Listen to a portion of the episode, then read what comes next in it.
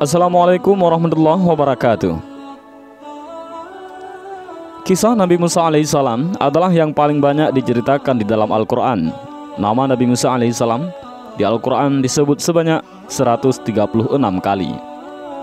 Dari perjalanan Nabi Musa alaihissalam pada akhirnya diketahui bahwa Allah subhanahu wa ta'ala tidak menyukai perbuatan sewenang-wenang ataupun yang menganiaya orang lain itu sebabnya salah satu perintah Allah Subhanahu wa taala kepada Musa adalah melawan raja yang berkuasa pada zaman itu, yaitu Firaun. Nabi Musa alaihissalam adalah salah satu nabi dan rasul yang dikurniakan mukjizat yang luar biasa oleh Allah.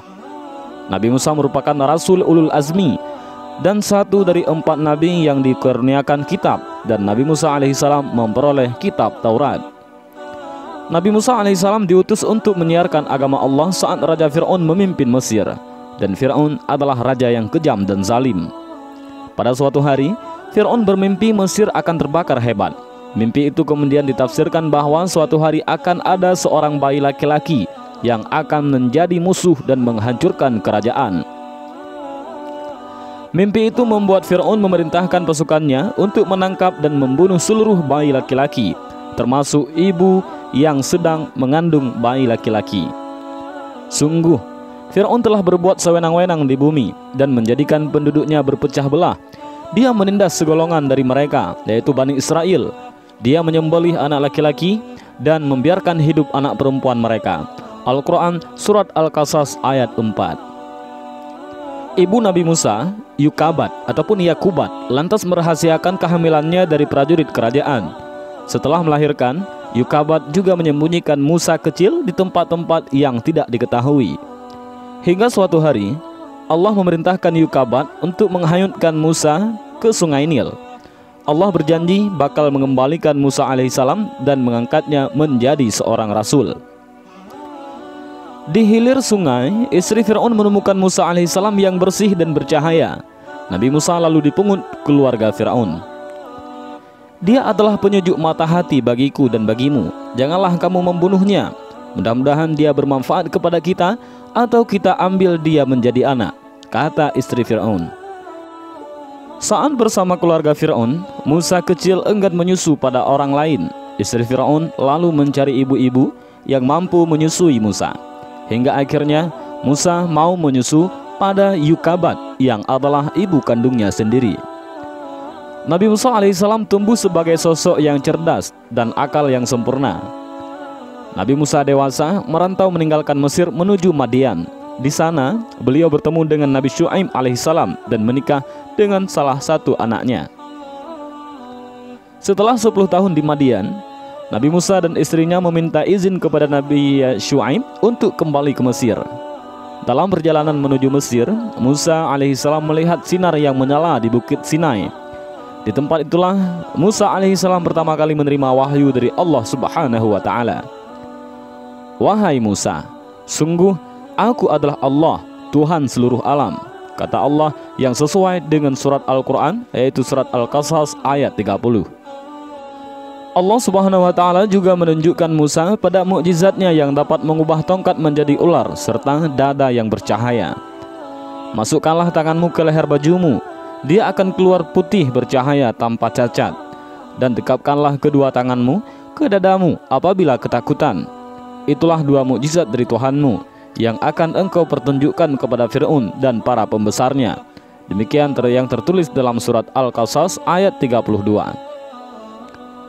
Nabi Musa alaihissalam juga mendapat tugas untuk memberikan peringatan kepada Fir'aun dan pengikutnya.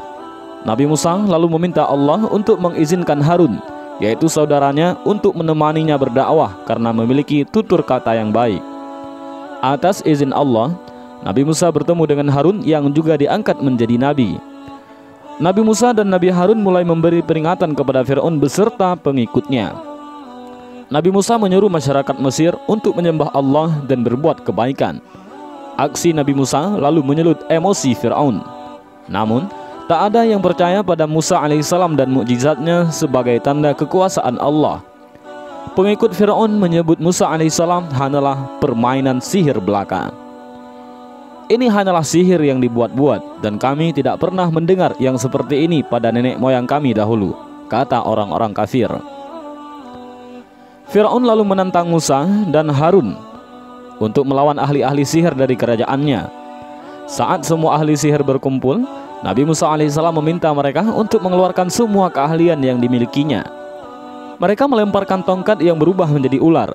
Nabi Musa lalu melemparkan tongkat yang dimilikinya. Tongkat itu berubah menjadi ular yang besar yang menelan ular-ular milik ahli sihir itu. Semua ahli sihir lalu tunduk dan mengakui kebenaran Nabi Musa alaihissalam. Namun, Firaun tetap saja tak percaya dan semakin marah pada Musa. Mengapa kamu beriman kepadanya sebelum aku memberi izin kepadamu? Sesungguhnya ini benar-benar tipu muslihat yang telah kamu rencanakan di kota ini untuk mengusir penduduknya. Kelak, kamu akan mengetahui akibat perbuatanmu ini.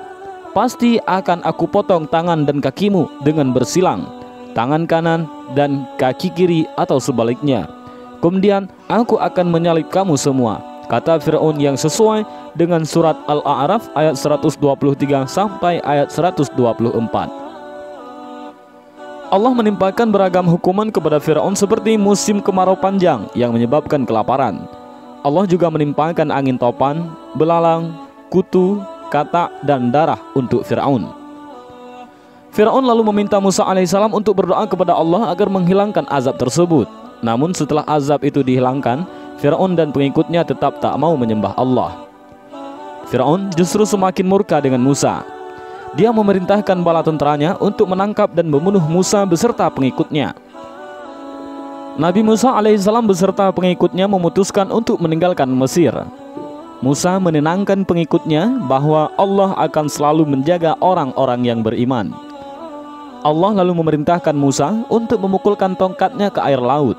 Lalu, tongkat itu membelah laut menjadi dua. Nabi Musa dan rombongannya melewati dasar laut yang kering. Fir'aun dan pengikutnya terus mengejar Musa. Saat Musa sudah tiba di daratan dan Fir'aun masih di tengah lautan, Allah mengembalikan lautan seperti semula. Fir'aun dan prajuritnya tenggelam di dasar laut. Maka kami siksa dia, yaitu Fir'aun dan bala tentaranya lalu kami lemparkan mereka ke dalam laut. Maka perhatikanlah bagaimana kesudahan orang yang zalim. Firman Allah dalam surat Al-Qasas ayat 40.